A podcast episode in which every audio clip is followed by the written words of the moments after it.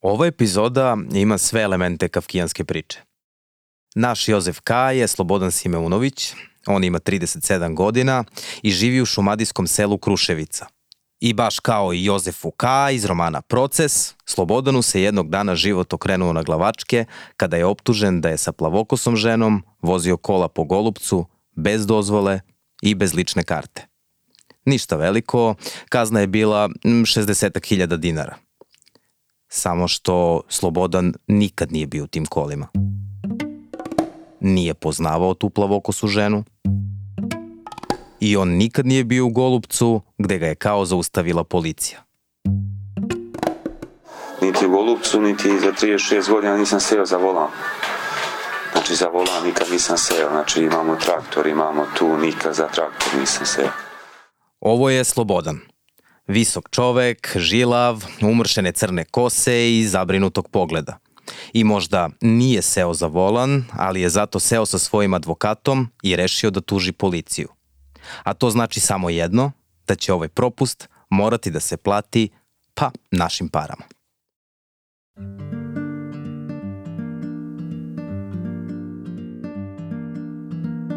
Moje ime je Stefan Marković, a ti slušaš Cinsov podcast Glasna žica. U ovoj epizodi govorit ću o tome kako je jedan čovek nevino osuđen za nešto što nije uradio,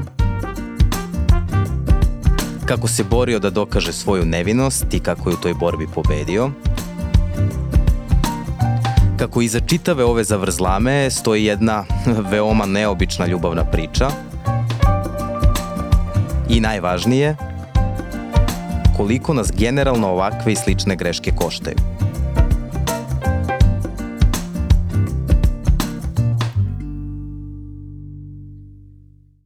Tamo negde sredinom 2022. od svog urednika sam čuo za neverovatnu priču o čoveku kome se sudi za nešto što nije učinio. Ubrzo je bio osuđen, i to pravosnažno, a ja sam spakovao diktafon, seo u kola i otišao do sela Kruševica kod Lazarevca gde ovaj čovek živi. Tada još nisam planirao podcast, već sam išao po priču koju sam i objavio krajem februara 2023. Nakon tog teksta, Slobodan je oslobođen. Sada kreće u jednu drugu borbu, borbu da bar na neki način pokuša da naplati narušeni ugled – I to zbog toga što policajci nisu odmah utvrdili identitet osobe koja je bila za volanom i još su, pazi sad, lažno svedočili na sudu da je upravo slobodan ta osoba. Moje strane oni blate ono znači. Znači ja sam na njih ogorčen. Ja. Znači ogorčen. Ali da se vratimo na početak. Sve je počelo jednog majskog dana 2022. kada je u Slobodanovo dvorište došao poštar na motociklu. Stiže poštar tu ali ovdje ispred i svira, ja dođem i smije se na mene. Poštar je nosio dve plave koverte. Da nije račun za struju, šta? Ma kaže, kak je račun za struju? Kaže, dva prekršaja imaš. Ja se na to nasmejem, kakav dva prekršaja. Kruševica je malo mesto po kom su razbacane seoske kuće, tu je jedan futbalski teren i prodavnica. Mesto u kojem i ovako mali prekršaj odzvanja u vidu velike bruke. Plavi kovret sam imao kad sam išao u vojsku i kad mi je otac umre za nasledstvo, nikad u životu. Ovo je Slobodanov otac. On je strastveni lovac i zbog gustih brkova poput molerskih četki nekako podsjeća na Vuka Karadžića. On me je dočekao zajedno sa Slobodanom, uveli su me u kuću, u kući je tandrkao radio, odmah su domaćinski onako pred mene stavili domaći sir i rakiju od šljive. Slobodanova supruga pokušavala je da primiri njihove tri čerke koje su trčkarale svuda po sobama. Svi smo bili u Rasulu. U velikom Rasulu. Ovako Slobodan opisuje stanje u porodici narušeno absurdnim procesom. On, čale, ne, budi se i on noću, puši cigaru za cigarom. Ide, treba da idemo u drva, da ide zima, treba drva da doteramo. Niko nije voljan za nikakav rad, samo se misli o tome. Treba s decom da se igram, ja nemam volju da se igram s decom. Nemam, nemam volju nikakvu deci sam trebao kupim neke bicikle, nešto, nisam mogao da kupim pošto sam morao da platim advokatu te što sam morao, trebao sam idem na odmor na rajac, nisam mogao da idem, morao sam da plaćam advokata. I šta ćeš? A šta se desilo? Pogranična policija je uveče 13. aprila, baš kod Golubačke tvrđave, zaustavila Audi A4. Za volanom je bio muškarac, pored njega plavokosa žena, Radica Gojković. Ona je bila vlasnica automobila. Radica je zbog glavobolje rekla muškarcu da preuzme volan. Vozač nije imao dokumentaciju kod sebe, ali je rekao policajcima da se zove Slobodan Simeunović i izdiktirao je datum rođenja. Ne svoj, već Slobodanov. Vozač koji se lažno predstavio bio je zapravo Slobodanov rođak Mileta Simeunović. Glasnu žicu možeš da slušaš na svim platformama na kojima inakše pratiš podcaste. Ako ti se sviđa ono što radimo, pomozi nam da nastavimo i podrži nas preko Patreona ili putem našeg sajta.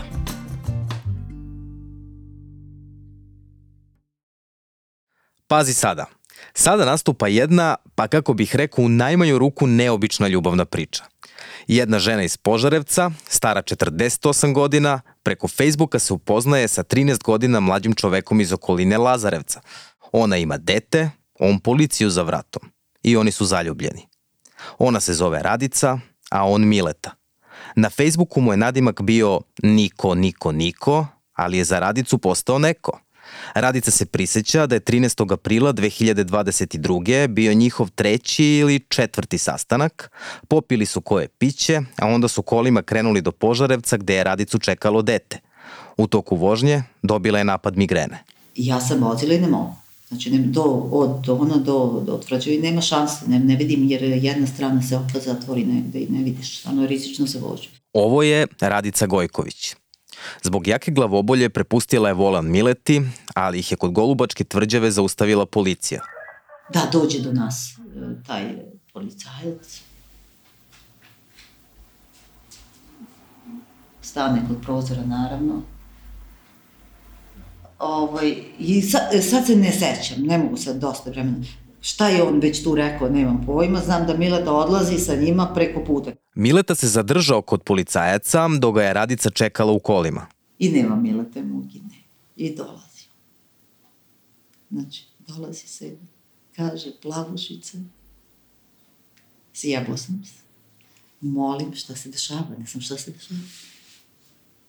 Kaže, znaš, da ja nemam ni dozvolu nemam ni dozvolu e, i ovaj, imam nešto tamo, traže me unazad za neko po on je kad rekao svedočenje, šta već, ali to je znači već potrebnice, ne? I ja kaže da ne bi, da ne bi ljubavi sada baš išlo da me privode u, u kako gde pripada ono Lazarevac, pa mislim Beograd CZR. To je Beograd, da. U, u onu tamo haos, onaj užas. Ali nema, kaže, čeka me to. Ja sam, kaže, dobro, ja sam, kaže, rekao drugi, šta si rekao? Meni kroz glavu, kaže, prođe i ja, šta mi bi, a bio je i pijan, malo smo popili, da, ovaj, ja sam rekao podatke drugi. A, kaže, sad, evo, kaže, vidiš, sad proveravaju, sad će dođe mene da uhapse. Mileta je policajcima dao Slobodanove podatke, a policajci su praktično poverovali na reč. Njemu iz detinstva došlo taj njegov brat sa kim se igrao verovatno u prašini i koga nije možda baš boleo. I on neki, ja sam posle pričao s njim o tom. I nje, on njemu prvi padne na pamet za koga će da se uhvati, kako nije neke druge čije podatke znao. Policajci Miletu nisu priveli. Na kraju krajeva nisu ni utvrdili njegov identitet. Umesto toga, uz prekršajnu prijavu, pušteni su da se odvezu dalje. Nekoliko meseci kasnije, na sudu u Golubcu, ti isti policajci će tvrditi da je za volanom bio slobodan. Ulazi čovek, dobar dan, dobar dan, on daje svoje ime, podatke njegove da se uvede tamo. Ja sedim, meni sudija kaže, gospodin, ustanite, ja uzem, ustanem. Kaže, okrenite se prema gospodinu, ja uzem, okrenem se prema njemu. Pita policajca, gospodine, poznajte li vi ovog gospodin ispred vas? Kaže da. Ja u njega ako ne mogu da verujem. Ako molim, kaže da, da, ja poznajem. Kako? To si kao prepoznao. Da, kaže, kaže da. I se sudija pita, pa kako ga poznajete, znaš? Pa on je dana tog i tog, uh, na putu tim i tim, zaustavljen, e, vozio je Audi A4, u- što je e, vlasnik Audija Radica Gojković, koji je bila svedok Policajci su se ređali jedan za drugim i svi sem jednog su bili gotovo sigurni da je upravo Slobodan bio te noći za volanom. pričali su koliko su, koliko su sigurni u to.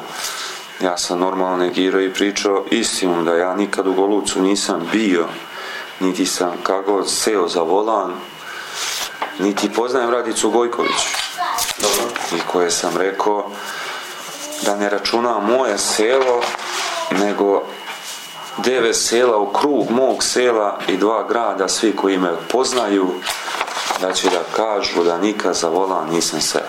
I Radicu je tamo na sudu zaprepastilo ponašanje policajaca. Koliko je to nemilosrdno. E, nekom čoveku pokažeš prstom u nekog, mogu da kaže ubio čoveka. Radica je svedočila da Slobodan nije bio sa njom u kolima, ali, pazi sad, do duše nije rekla ni da je bila sa Miletom, već je izmislila nekog lepuškastog plavokosog muškarca. Ja sam rekla da je mene, da sam ja bila tu pored Dunava sama, išla ovaj, obilazak, obilazak eh, Golubca zbog posla da vidim. E, bila je grupa mladića, meni je prišao taj zgodni plavi dečko, upoznali smo se, rekao da je iz Požarevca i tako dalje, tu smo pričali dosta, družili se i drugovi su ga zvali da pođe, on nije hteo, rekao je ja ću sa njom da idem za Požarevac i pošao je sa mnom posle za Požarevac. Sudija Saša Stojanović njen iskaz nije uzeo u obzir. Slobodan je osuđen, a zatim je i apelacioni sud potvrdio presudu. Nakon mog teksta u Cinsu, Slobodan je postao vest. Slobodan se prisjeća kako je čitav ovaj proces poljuljao njegovo psihičko stanje. Nije valjalo nikako. Prvo nisam mogao ja da spavam. Ja nisam mogao da verujem, ja ustajem od 12, 1, 2 sata noću, pijem kafu. Pijem kafu, izađem napolje, sedim, pijem kafu. Ne možeš da veruješ, no što non stop ti je u glavi to. Ne razmišljaš da si igraš sa decom ili nešto, ma ja, samo ideš, ideš, a posle ne znaš da si krenuo. Ni posao me toko nije interesovalo, a od toga živim. I zato je Slobodan zatražio pomoć od lekara. Otišao sam prvo kod mog doktora što se javljam i opričao slučaj šta mi se desilo i on je meni re- rekao, kaže ti moraš se javiš kod spe- specijalista, znači neuropsihijatar. Ja sam otišao kod neuropsihijatra i isto mu ispričao Neuropsihijatar mu je prepisao lekove za spavanje, ali osjećaj za pravdu mu je ostao budan. Iako je delovalo kao da je sve gotovo, Slobodanov advokat je sve propuste policajaca prijavio sektoru unutrašnje kontrole MUPA. Pored toga, podneo i krivične prijave protiv njih, ali i Radice i Milete. Ubrzo je Slobodanu stigao poziv da se javi u sektor unutrašnje kontrole MUPA, a slučaj je vodio pukovnik policije Vojislav Zagorac. Išao sam samo da potpišem jedno 70 puta ime i prezime latinicom štampanim slovima radi veštačenja. Dobro. To i napisao sam Zbog čega je to? To je zbog zapisnika, jel? Zbog, uh, pa da, onog zapisnika koji on potpisao. da jeste to Slobodan je dva put išao do unutrašnje kontrole. Jednom prilikom je nakon njega saslušavana i Radica. Za nju je to bilo, kako ona kaže, strašno iskustvo. Ne da sam se uplašila, nego ne pitaj. Još ono ono. I kaže meni, sad ćete vi lepo sve da potvrdite ovo što ja vas budem pitao ili ćete da ostanete kod nas. Molim, gde da ostanem? Kako sam pa ja glupač, da ostanemo u suku. A meni u glavi privešće mi, znači, Bože, gde ću dete, gde ću šta? I ništa, sedi još mi oni ponude cigare. I on krene priču, jer, znaš šta, čovek je bio sad pre mene, vas. Čovek plače ovde. Znači, šta ste mu uradili? Slobodan. Ima troje dece. Ubrzo nakon toga, Zagorac je pozvao Slobodana telefonom. Slobo, to što si imao na tebi, taj teret, skini ga slobodno. Ja kažem, ne razumem. Kaže, skini taj teret slobodno. Rekao, hoću, ali ne razumem na koji način. Kaže, tičica je, kako se ono kaže, tičica je... Propeva. Jest, tičica je propeva. Kaže, rekla je sve.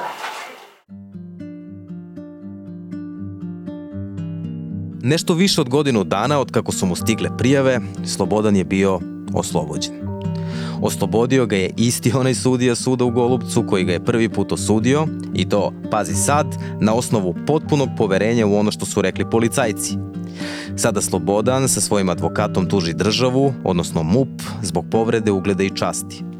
Od njih želi da naplati sve one neprospavane noći, ali ono što mu je najvažnije, ukaljan obraz – Troškovi na osnovu koje država parama svih građana plaća izgubljene tužbe su ogromni i slobodno bih mogao da kažem bespotrebni, jer umesto da te pare idu u izgradnju recimo vrtića, puteva, možda bolnica, one odlaze zbog lošeg rada javnih institucija. U poslednjih 10 godina ta cifra je baš ozbiljno porasla recimo pre nekih desetak godina, neki godišnji prosek ili neki standard je bio 30-40 miliona evra godišnje budžet. Danas, ajde 2021. godine, za šta je objavljen poslednji završni račun, to je naraslo na nekih 150 miliona evra. Ovo je Marko Milovanović, specijalni savjetnik u Fiskalnom savetu Republike Srbije. Njegova specijalnost su upravo troškovi iz budžeta. Fiskalni savet je nezavisna institucija koja suštinski ocenjuje državne akte koje utiču na novac iz budžeta. Tipa, predloži se neka investicija i onda Fiskalni savet to analizira i eventualno predlaže kako bi te pare mogle drugačije da se potroše. Jedan od takvih troškova su i troškovi od tužbi. A šta oni znače za građane? Recimo, čuli ste da najavljuju tender za ovu najsavremeniju dečiju kliniku, recimo Tiršova 2. Tiršova 2 e, da. Ona će sa svim pripremnim radovima, sa, ne znam, garažama na tri sloja i, ne znam, 80.000 kvadratnih metara površine i najsavremenijom opravom koštati reda veličine 100 miliona evra. Mm -hmm. Dakle, vi ste u jednoj godini potrošili gotovo dve Tiršove 2, znači klinike dečije, da. e, potpuno neproduktivno. Marko govori ne samo o tužbama građana, već i onima koji podnose investitori ili o troškovima koji su, šta znam, recimo nastali u međunarodnim sporovima. Problem je u tome što ministarstva ne vode ove troškove tako da bi iz njih moglo da se vidi da li su to tužbe građana ili nešto drugo, pa nema potpunih podataka recimo koliko je tačno građana tužilo državu. Sad, ako hipotetički on dobije tu presudu, i ovaj, taj Slobodan o kome smo pričali i uh, kako će da izgleda taj njegov slučaj? Gde će to da bude zavedeno? Kako će da dođe kod te? Ti dođeš na posao i negde u moru tih nekih podataka dobiješ Slobodana Simeunovića. Do, do, dobro je pitanje. Ne, nećemo dobiti ime sigurno, da nećemo, neću uopšte videti Slobodana ovaj, i neću videti ma, ma, ma kakvi, ni, ni, ni, kako da kažem, ni, ni približno to, jer verovatno postoji još mnogo i Slobodana i nekih pera koji su primili oštetu zbog nekih drugih stvari. A šta je sa akterima Slobodanove priče? Policajci su oslobođeni od optužbe da su lažno svedočili, jer je tužilaštvo iz velikog gradišta utvrdilo da nisu imali nameru. Radica je platila 50.000 dinara u humanitarne svrhe zbog davanja lažnog iskaza. Sa Slobodanom se nisam čuo otkako je oslobođen, pa sam rešio da ga nazovem.